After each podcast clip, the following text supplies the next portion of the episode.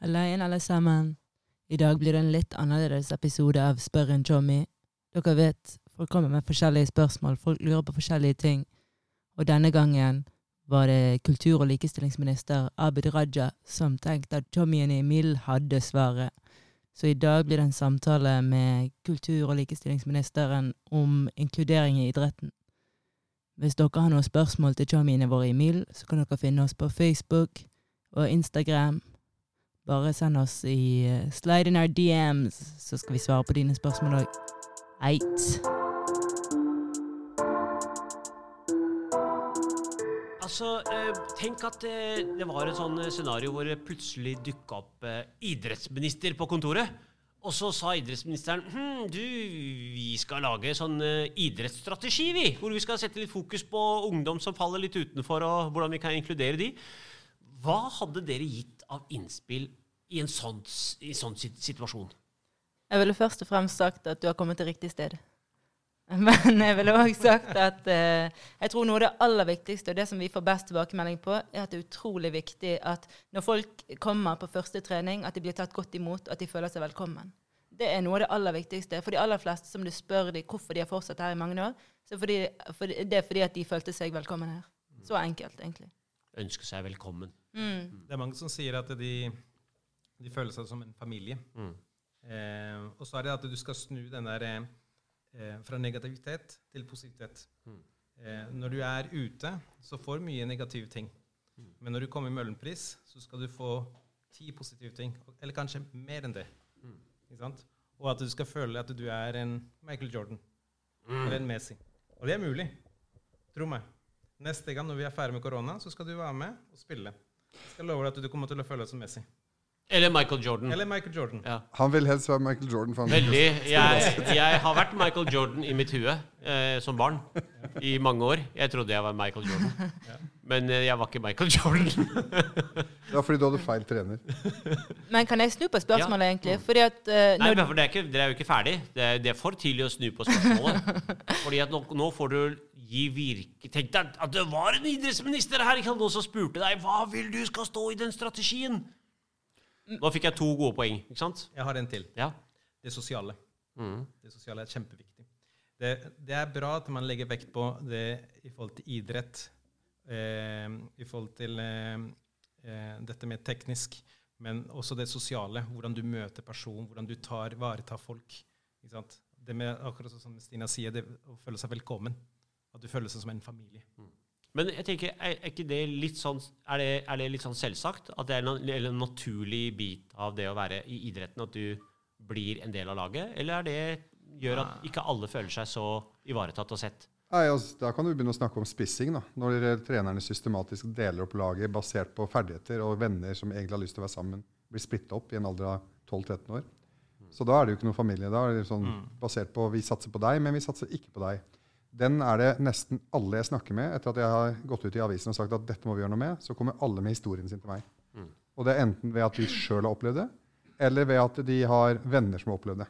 At deres barn har i en tidlig alder allerede fått beskjed om at det, er, sorry, du er ikke god nok til å være på førstelaget, men du kan gå og leke med andre laget. da. Eh, Med de du ikke har lyst til å spille med, som du kanskje ikke kjenner like godt, for de beste kompisene er på A-laget. da. Og dette skjer over sånn, hele landet. Siden jeg har tre barn og har vært i tre-fire forskjellige idretter Det kan jo hende at jeg har fått med meg akkurat dette poenget, jeg også.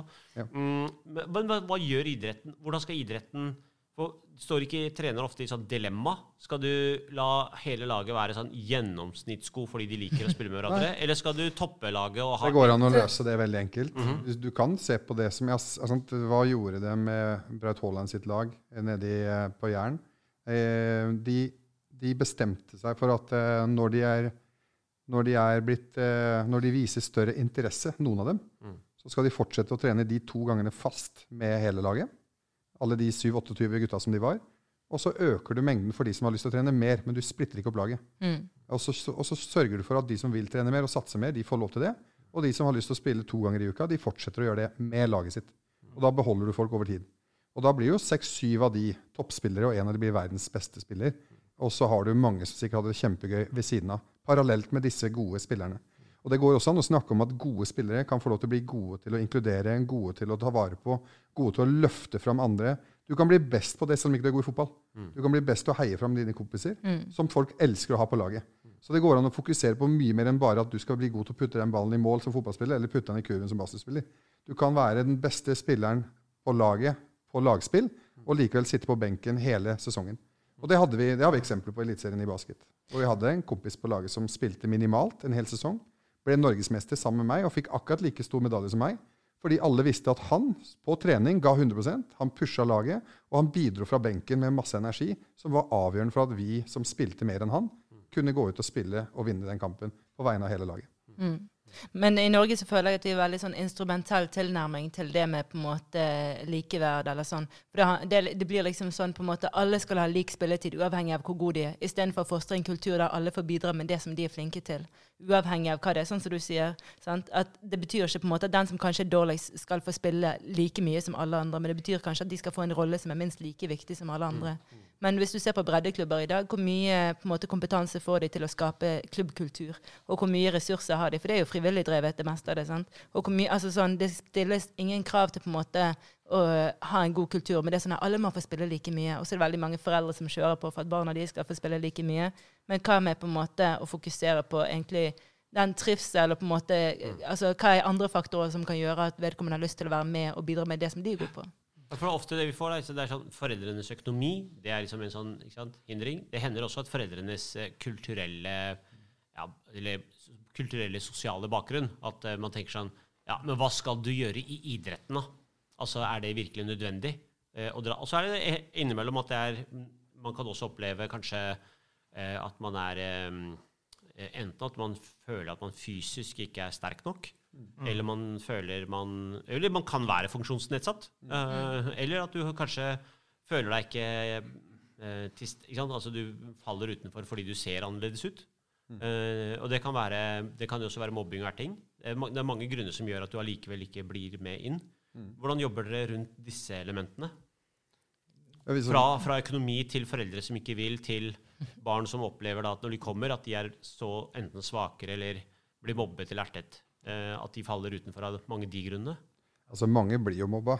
Og det er jo en ting vi adresserer i forhold til retorikken. Eh, hva er greit og ikke greit. Eh, det her er 'vi bare tuller', eh, som er en klassiker når man Jeg bare har tulla. Ja, jeg bare tuller, jeg bare kødda. De, det er sånn, eh, med en gang du sier det, så er det liksom legitimt å mobbe. Det jobbes med det. Vi snakker med hvilke ord er greit og ikke greit. Eh, eh, så, så jeg tenker at det, er, det adresseres. Det adresseres både aktivt, men også i disse dialogforumene som vi har med foredrag og, og samtaler. Eh, og så er det det med foreldre. Det, det, det krever jo på en måte at du går til den enkelte utøverens foreldre og tar den samtalen fullt ut. da.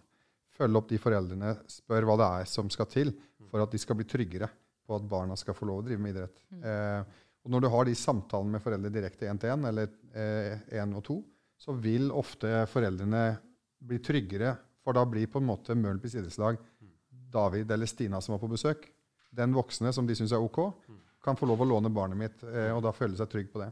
Så når min far nekta min søster å gå på idrett, så var det jo basert på at han var usikker på hva det medfører. Helt til treneren, en kvinnelig dame, da, kom på besøk og sa hun må få lov å trene badminton med meg, og jeg tar ansvar for at hun har det bra, og kommer hjem igjen etter trening. Og da var det greit. og da sa faren min greit. Det, Opplever dere dette sånn at det er litt uavhengig av om man er gutt eller jente, eller er det litt sånn oftere mot jenter? Oftere mot jenter. Eh, jenter. Det har vi hatt flere eksempler der det For vi tar altså Tallene er jo litt sånn dårlige for altså Hvis vi ser på sånn idrettstall generelt, da, det er jo kanskje særlig minoritetsjenter eller etnisk minoritetsjenter som deltar minst i idretten. Så hvordan får du økt den andelen? Hvor mange har vi her? Over Vi har en tredjedel, ja ca. 100, da. Eller hadde vi før korona, eh, som var aktive deltakere, og alle hadde minoritetsbakgrunn. Så det er kanskje det idrettslaget med flest jenter med minoritetsbakgrunn i hele Norge. i, i alder fra 15 og opp til 25. Ja. Og det er jo kanskje den alderen hvor det er vanskeligst. Mm. For de får lov til å fortsette frem til de når da den 14-15, og så må de ut. Da syns foreldrene det begynner å bli skummelt, eh, at de mister kontroll. Ja. Men det handler òg veldig mye tenker jeg, om at eh, barna i den alderen får mer ansvar. Sånn at Du ser også veldig mange av de guttene som vi har, som har falt fra i den alderen fra 15 år. Det er fordi at de får et større forsørgeransvar, f.eks. For eksempel. så de må jobbe, de kan ikke være med på idrett. Og jentene kanskje må ta over oppgaver i hjemmet, eller de får på en måte andre oppgaver som gjør, eller annet ansvar sant, som gjør at de ikke får lov til å delta. Sånn at det er på en måte, I mange tilfeller så vil jeg si at det er samme ansvar, men det får helt ulikt utfall for gutter og jenter. med, så, så det vi vet, da altså Jeg har vært idrettsminister bare litt over et år. Eh, halvannet år snart. Men altså, det vi vet, er at innvandrerjenter er mindre med. Det tror jeg vel idretten har visst en stund. Du har vært i idrettsbevegelsen mye lenger enn meg. Det har man visst en stund. Har man, hva har man gjort med det?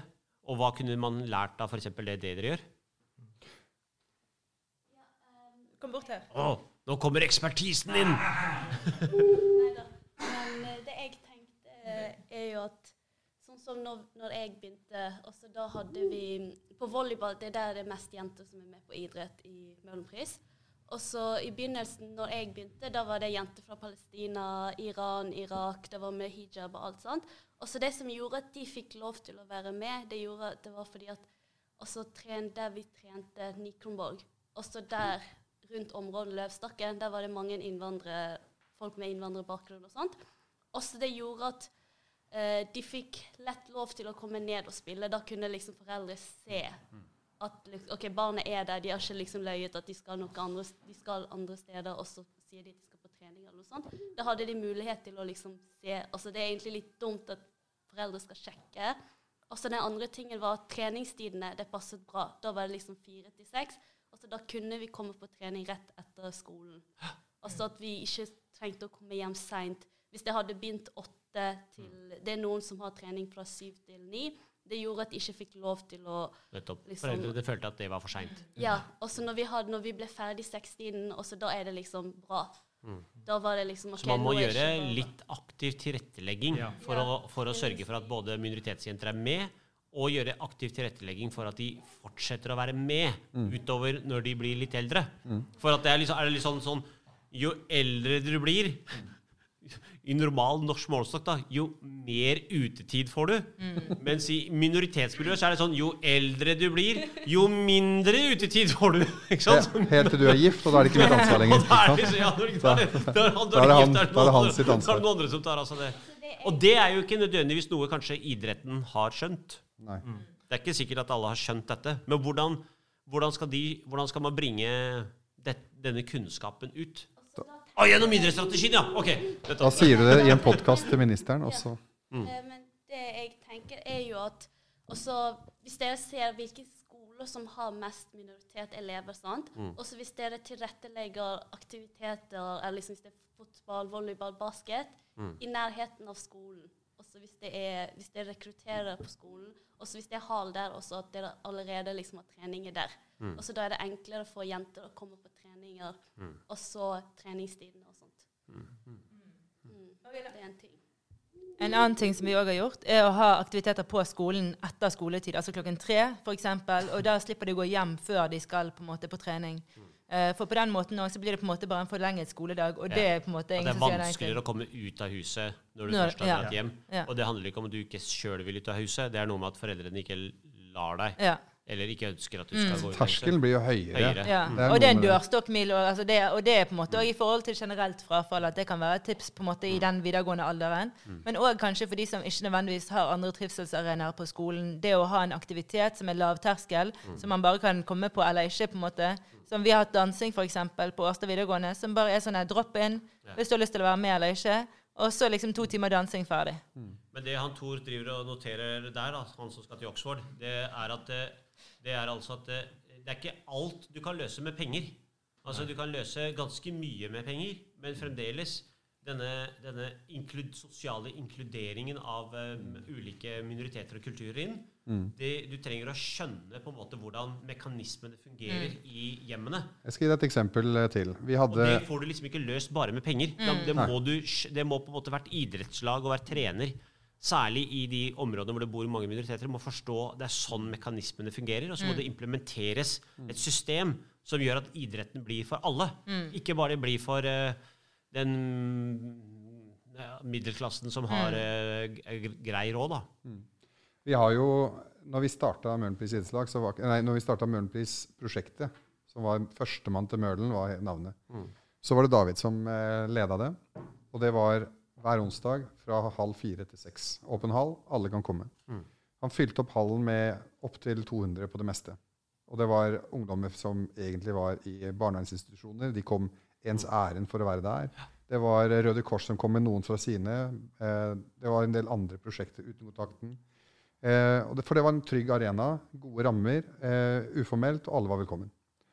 Og så er jo han en sånn gründer som elsker å starte nye ting. Han starta et nytt prosjekt som het Work, som skulle handle om å få ungdom ut i arbeid, som også er en ting vi gjør her. Eh, jobbe med CV-skriving, intervjutrening, og så få de ut i arbeid. Skaffe en pool av, eh, av eh, eh, mennesker som har lyst til å gi ungdommer en ny sjanse. Så han begynte med Work-prosjektet. Overlappa da dette ansvaret til kollegaene i Newpage. Fantastiske folk, vel å merke. I løpet av uker så var vi nede i 30 i snitt på, på Møhlenpris. Og når han kom innom da, så ble han forbanna på sine kollegaer. Sa hva har dere gjort? Hvorfor i hulleste er det ikke flere ungdommer? Eh, så da kom han tilbake. Ryktet gikk. I løpet av uker så var det oppe i 200 igjen. Så jeg, gikk- jeg gikk uformelt og snakka med ungdom da og spurte hvorfor er du her. Hva er det som gjør at du kommer? Og selv om folk bare kom og fikk et glimt av han, så svarte de ja, men det er fordi David er her. Eh, så du kan godt si eh, det er ikke bare penger etc., men det, jeg tror nøkkelen til all suksess er de voksne. Hva slags, hva slags blikk har de? Hvor genuine er de? Hvor mye bryr de seg oppriktig om deg? Det var en gutt som bodde på institusjon, som ble kjørt ned. Han var aldri med på aktiviteten. Han satt på en benk og så på. Husker du han? Han satt på en benk og så på i to og en halv time. Han satt bare og gliste og kikka ut i hallen. Hadde med seg en voksen vakt som satt ved siden av. Og så gikk David stadig bort. Han var kanskje borte og snakka med han to-tre ganger i løpet av sånn to og en halv time. Så var det tre-fire samtaler. Og det var minutter, og så måtte David videre, for han hadde så mye annet å gjøre. Og den gutten satt og smilte og venta til David kom tilbake. Og så venta han bare til å få en klem når han skulle gå, og så forsvant han opp på institusjonen igjen. Det var høydepunktet i løpet av uka. Og de på institusjonen skrev det til oss. Det er helt fantastisk hvilken effekt David har på den gutten. De minuttene han gir han oppmerksomhet hver uke. Det er det han gleder seg til. Og det er det som gjør at eh, ungdommer vokser. For de veit at dette er en person som stiller opp uansett hva. Eh, så når du liksom sier at eh, det er konflikt, han blir sur, forsvinner, og så ringer en person som du veit bryr deg om deg, da svarer du. Hvis ikke så hadde du ikke giddet å svare. Og så kommer du tilbake. Så får du ny sjanse. dette, jo, dette gjør dere. Klarer man å liksom bringe denne kompetansen, denne måten å jobbe på, ut herfra til la oss si, et annet sted også? Klarer man liksom å eksportere dette til la oss si, Drammen, da, Ja. som har eh, områder fjell med mange minoriteter og lignende sosiale utfordringer? Ja, og, Klarer man å kopiere denne modellen og eh, sånn, eksportere det dit, sånn at på en måte blir det lignende Møhlenpris der, f.eks.? Ja, og det kan du 100 sikkert gjøre, basert på at hvis du da for det første får, får en struktur på det, og rekrutterer de rette folka. Og i hver eneste kommune i Norge så bor det ildsjeler som virkelig vil hjelpe ungdommer, og som har lyst. Men som ikke har rammene, ikke sant? og som ikke har vilkårene. Så jeg tenker at eh, hvis du hadde sagt til meg 'start Møhlenpris idrettslag eh, på Fjell i Drammen', så, så kjenner jeg, ikke sant, av vårt nettverk, så kjenner jeg to stykker som jeg umiddelbart hadde ansatt, som jobber i Drammen, og som Drammen kommune neglisjerer, ikke sant, og som ikke bruker det gullet de har, fordi de ikke puttes inn i riktige opplegg. Det er det Unify har blitt i, i Lørenskog og, og i Søndre Nordstrand. Hvor sant, eh, jeg får en bestilling fra Raymond Johansen. Kan du hjelpe meg med Groruddalsproblemet? Hvorpå jeg sier til han, men kompis, du har jo seks-syv ildsjeler som jobber frivillig oppe på, på Romsås hver eneste kveld. Fordi de har lyst etter skoletid, når de er lærere. Sett det i system, da. Så kan de gjøre det fulltid istedenfor. Å ja. ikke sant? Det, det, altså det er gull overalt som Ja. aldri blir brukt. Det det gjelder, også, fi- det gjelder også å finne akkurat dette. da. At, no, en, at noen har blikk for å finne dette, og faktisk gjør det systematisk. Organiser det. Fordi du trenger å organisere alle disse på en, en, en måte som gjør at du får maksimalt uh, ut av de. Som reiser. Hvem er det som gjør det nå? Uh, hvem som organiserer her? Ja. Nei, altså sånn generelt, Hvem er det som sørger for at du får opp disse systemene? da? For Det, det, det, hvis du snakker om Men er ikke det et NIF-ansvar, da? Det er et NIF-ansvar. Jeg bare spør. Men jeg vil bare spille inn noe annet. fordi jeg opplever også at En av grunnene til at vi har suksess, spesielt blant ungdom med kort botid i Norge, er fordi at vi er så uformelle, og at det er lav terskel. og Det betyr også på en måte at det ikke er forpliktende. Det er ikke sånn du må komme på trening for vi skal spille kamp i serien. Det kan du være med på når du har kommet til det nivået som Ajanta kom til. sant? Men det er veldig mange som bare har behov for et sted som de kan komme, der de kan mestre, der de kan føle tilhørighet, uten at de på en måte, det blir krevd av dem. For det er mye annet som kreves av dem i den fasen. Sånn at det og, men det som blir, eh, måten det blir krevd på, egentlig er at det stimuleres på en måte til at de skal kreve det av seg sjøl, fordi de vet at det er bra for dem. Men mye av det, er altså, det handler veldig mye om å tilpasse. Mm. Eh, vi har f.eks. Eh, sånn som Ajanta. Hun, spi, hun spiller i, i første divisjon. Andre divisjon. Eh, Damn! si. Det er, det er der oppe, det. Ja. Og så, og så, Det er det at, så er det at hun, eh, hun er trener for Møhlenpris. Mm. Og så har vi eh, grupper hvor de spiller i serien. Mm. Og så er det grupper som ikke spiller i serien.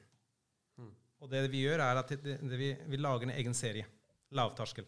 Der ungdommer vet fra klokken fem til klokken seks, halv syv. De spiller i 20 minutter, og så er de ferdig, og så kommer det neste kamp. Og så kommer ungdommer fra, fra Sånn byen. uformell turnering. Så kommer det ungdommer fra byen ned inn i hallen, så spiller de 20 minutter. Og så venter de kanskje en, eh, 20 minutter til, så skal de spille en kamp. I løpet av eh, en og en halv time, to timer, så har vi spilt kanskje ti kamper. Ikke sant? Og så Ungdommen syns det er kjempekjekt. Fordi de ønsker ikke De ønsker å spille fotball, de ønsker å spille basket, men de ønsker ikke det organisert. Ikke sant? Og det er veldig viktig på en måte å fange de som, er, som ønsker å, å drive med organisert idrett, og de som ikke ønsker å drive med organisert idrett. Som er kjempeviktig. Og så er det òg sånn som faktisk mange av de ungdommene Vi kan ha 200 ungdommer på en cup. Vi kan ha med oss liksom flere titalls ungdommer på en leir. Så spør du de, ehm, vet du hva Møhlenpris idrettslag er, så de er nesten litt sånn Hæ, hva er det? Fordi at for, det for de så er ikke det det som bygger identiteten, det er at vi er sammen, det er fellesskapet. Hvis du spør dem hvem er Stine, eller hvem er David, hvem er Janta, hvem er Hamid, så vet de hvem det er. Basketball. Ja, der Farman. Basketpresident. Ja, flott. Mr. Presi President. Mr. President. Mr. President. Fantastisk. Jeg vil bare si det at um, altså jeg har jo blitt ekstremt fascinert av hva som gjøres her. Mm. finnes, altså Dette er jo et enormt kompetansesenter for denne problemstillingen her. Vi har tusenvis av idrettslag i Norge i dag. Og hvis du går og ser hvem som driver av beste eh, vilje og evne, hvem som driver disse idrettslagene, de er jo frivillige, så ser de akkurat ut som meg. Om to uker så er jeg 50 år. Jeg har samme hår, farge på skjegget som du har. Det er flott farge, forresten. Gratulerer på forhånd. Ja. Middelaldrende norsk, veldig ofte mann, er i grunnen altfor stor andel av de som eh, med all eh, Altså, de, de ønsker å bidra positivt. Og de har treng- og ikke de- den og de erfaringen trenger og den kunnskap. Men vi, trenger, vi de. trenger de. Fordi Ja, det er sant, det, de, de trenger vi også. Men du Ja. trenger noen i tillegg. Nettopp. Det er, sånn skal, det er ikke sånn du skal gå på bekostning av de. De skal Nei. fortsette å være der, men du skal få noen inn i tillegg. Det er akkurat der det ligger. Fordi at vi har en kunnskapsmangel. Vi har ikke levd de problemstillingene som, som leves her. Og man har ikke erfart det, og man har ikke forutsetningen. Man har, en ting er å ikke ha forutsetninger for å løse de. Med sunn fornuft så klarer man gjerne det. Men man har gjerne ikke forutsetninger for å oppdage de engang. Du trenger egentlig noen i tillegg inn i de ulike styrene og, som egentlig jobber med målrettet med å inkludere de som faller utenfor. Ja, ja, rett og slett. Den, Så bare en særskilt blikk for det, og særskilt kompetanse innrettet på det. Viktig. Vilje til det. utrolig viktig. Og saken er den, vi har en del idrettslag som er veldig multikulturelle utover Møhlenpris. Også i basketen så er vi så privilegerte. Du er jo basketmann selv. Eh, Er vi så privilegert eh, og har eh, en del klubber som, som har har representanter fra forskjellige etnisiteter og kulturelle bakgrunner i styrene sine. Blant annet Ulriken Basket her oppe har jo en majoritet i styre og stell. Eh, nei, i, i klubben eh, med minoritetsbakgrunn. Og de har også, eh, de har også rekruttert noe bevisst, eh, bevisst inn eh, eh, foreldre med minoritetsbakgrunn der. Og hva sier de? De ønsker å bidra. Men holdningen er jo Man skjønner ikke hvordan man skal rekruttere dem. Det er jo bare så enkelt som å komme og fortelle dem det og invitere dem. For de vil jo så gjerne. Og det er altfor mange som ikke har skjønt viktigheten av å rekruttere inn. Og det gjelder alle, alle nivåer i norsk idrett. Helt fra toppen, vice president, og nedover nedover til, nedover til klubbnivå. Men vi må jo begynne på toppen for å vise dette her. Så vi har en kunnskapsmangel. Heftmangel. Jeg hadde en trener som sa alltid til meg eh, Når du spiller en kamp, så er det 60% forsvar og 40 angrep. i forhold til det arbeidet vi driver med, så vil jeg sagt at 60% handler det sosiale, sosial kompetanse. Mm. Og så er det 40 det som er idrett. Mm. Det er ferdigheter i forhold til fotball, basket. Ja. Og det er det jeg tenker at det hadde vært fordi hvis det Jeg ville sagt 90-10, jeg, da. Ja, men, men, men Sånn hvis i praksis.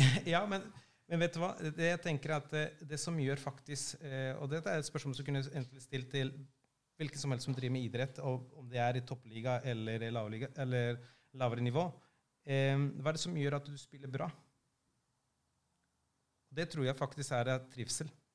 Hvis du trives, du har det bra, så får du ikke det presset. Jo, du kan få presset, men Mm, du, du presset, står bedre i presset bedre, når du riktig. trives med folk. Ja. Hvis du er trygg på, på laget ditt. Ja. Jeg har fem NM-gull. Fellesnevneren er at eh, vi hadde det gøy de åra vi vant. Så, Fem. de gangene vi tapte når vi hadde favorittstempelet, og tapte mot alle odds, selv om vi var bedre på papiret, har gjort det bedre i serien, men vi holdt ikke ut til sluttspillet, da var det konflikt innad i laget. Og da var det vi som snubla, det var ikke de andre som slo oss. Så det handler om, Og det har vi sett. Vi har sett det igjen og igjen. Store lag som går ned for telling, som blir slått ut av minilag som spiller bra sammen fordi de, de vil hverandre vel. Da. Mm. Så, så i praksis da, så tenker jeg at 60-40 er helt feil i forhold til praksisen. Sant? Hvis du tenker på de ungdommene på Knarvik du spiller fotball med en gang i uka, Ja, hvor mye tid bruker du på fotball i forhold til oppfølging? ja da. Mye mer. Ja, ja, men nå prøvde Snakkes. Ja, men jeg tenkte egentlig at eh, for, å gi en, forståelse For hvis du hadde sagt til en, fotballtrener nei, du skal være sosial, så sier jeg ja, men jeg er her for å trene mm. folk spille fotball. Ja. Ikke sant? Men eh, jeg er enig i at den, den, eh, det er enda, enda mer. Men det sosiale kjempeviktig. Hvis du skal på en måte ha Du burde skrive det. Sosial kompetanse. Nei, jeg tror at det er én ting som jeg prøvde å si flere ganger opp gjennom mange foredrag i norsk idrett, og det er at eh, det er ingen motpol mellom det å ha lyst til å bli kjempegod i en idrett, og det å trives. Det er ikke noe motpol, det er ofte en sammenheng. Eh, det er ikke noe motpol i det å bli en god lagspiller og det å bli god i, i basket, f.eks. Det er ikke sånn at hvis jeg blir en god lagspiller og tar vare på laget mitt, så blir jeg dårligere i basket. Du blir ofte bedre av det. Så det er liksom litt av hovedbudskap som jeg tror at veldig mange unge trenere eller urutinerte trenere i norsk idrett bommer på, fordi de tror at nå må vi, begynne, nå må vi snart begynne å spisse hvis vi skal rekke at de skal bli gode nok innen de er voksne. da. Istedenfor å tenke på at vi veit at det er ingen som klarer å spå når de gutta er 12-13 år. Så følger du de i seks år. Det, det, det, det kartet ser så annerledes ut på hvem som var best når de var 12-13, og hvem som er best når de er 19, og hvem som fortsatt driver med, hvem som fortsatt er aktiv, da, og hvem som falt av. Så det er noe med å liksom bare innse en gang for alle at norsk idrett, på lik linje med alle andre verdens land, de klarer ikke å forutse stjernene når de er 12-13. Så slutt å spisse, for da mister du kanskje potensielle alle skal ikke bli stjerner. Alle, veldig, de aller fleste skal ha, slik som meg, da, bare egentlig ha de gode opplevelsene med seg gjennom eh, det vi gjorde i barndommen. Hva det Jo, betyr for oss som blir Og det er hele poenget at det, det er ikke Noen ble stjerner. Jo, men, men, men, men poenget mitt er jo at det går ikke på bekostning av det andre. Du Ja. kan fant, ikke sant? Skal få begge delene. Ja. Og det du ser med ikke sant? Det er bare å se på hele historien til Braut Haaland, som liksom er så aktuell om dagen. Se på hva som har skjedd med de gutta. De var jo en enhet, og de lekte. De trente to ganger, tre ganger, fire og fem ganger sammen. Og så var de på fotballbanen og spilte enda mer fordi det var så gøy å være sammen. Det er det som gjør at de blir steingode. Og da er det sånn, ja, og noen av de ble steingode, men, men av de 28 så var det 6 som ble topp, toppspillere, og 22 hadde det bare kjempegøy. Men da var det 22 som hadde det gøy, og ikke 12, og 10 falt av underveis. da. Og det, vi mister så Dette tror jeg kommer til å bli en veldig bra podkast. Det var det jeg skulle si. Men eh, det som jeg hadde lyst til òg altså Hvis vi bare skal uh, oppsummere litt For jeg tenker at du spør oss etter svar. Men jeg tenker at alle kan gå i seg sjøl og, og finne svar.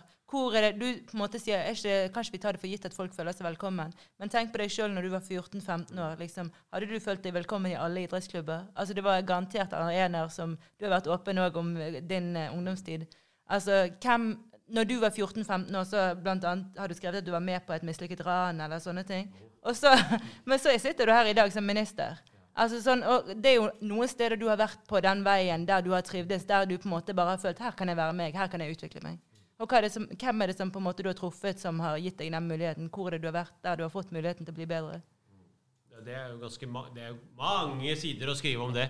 Men, eh, men, eh, men som dere sier, jeg tror det er dette med at det er, det er noen voksne som, som må Når veldig mange andre faller ifra, så trenger du på en måte den ene. Sånn som sant, David sant, som et eksempel for veldig mange andre, Så for meg så var det en, en, en bibliotekar da, som var veldig tilgjengelig, som, eh, som ga meg bøker å lese, som stilte meg spørsmål når jeg kom tilbake. Hva syns du om den boka?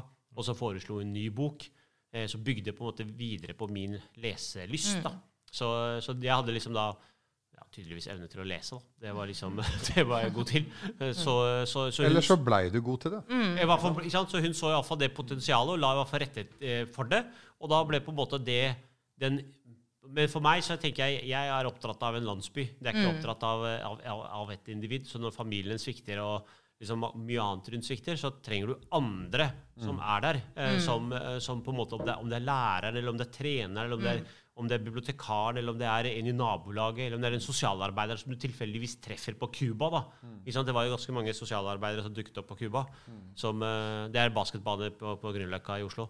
Så, ikke sant? så det, det er liksom, det er den der summen av alt dette. Ikke minst alle de andre barna som du spiller med. Ikke sant? Så kommer med, du kommer jo med ulik sosial bakgrunn. De du har spilt med, Noen av de kommer fra ekstremt ressurssterke hjem, og så kommer det noen fra helt som ikke har ressurser overhodet. Eh, og hvor mye lærer man av hverandre og stiller opp for hverandre. Så det der, som du sier, om det er 60% eller om det er 90 det sosiale, men det sosiale i et lag, hvor mye man lærer av å være med hverandre, det, det kan man heller ikke undervurdere betydningen av. Nettopp. Men jeg tenker, derfor, jeg tenker liksom at hvis vi skal konkludere noe, så kanskje det viktigste at man etablerer en arena der når ungdommen møter vanskelige tider, så trekker ikke de seg vekk fra den arenaen. De blir brakt inn der. Fordi at sånn som vi opererer, er på en måte at det er i fellesskapet man finner ressursene. Om du sjøl kommer fra et ressurssvakt hjem, så har du et fellesskap der det finnes ressurser. Om vi på en måte ikke har løsningen, så kan vi finne løsningen sammen. Så skal dere være stolte av hva dere har fått til her. Det er, eh, det er til stor inspirasjon for meg. Og så må vi jo se hvordan man kan som jeg sa, starte med å si, hvordan skal man oppskalere dette, eller hvordan kan man ta noe som fungerer, og så forsøke å få det til å bli kopiert de andre stedene i Norge, slik at man kan gjøre lignende innsats andre steder. Ikke sant? Ikke, at ikke, la oss si, dette er et veldig bra eksempel her, men at det ikke bare blir et bra eksempel her, men du kan bruke dette eksempelet til å lage lignende gode eksempler rundt om i hele landet. Da har du Jeg sier- liksom Jeg sier bare Du ringer, vi bringer. ja, bra.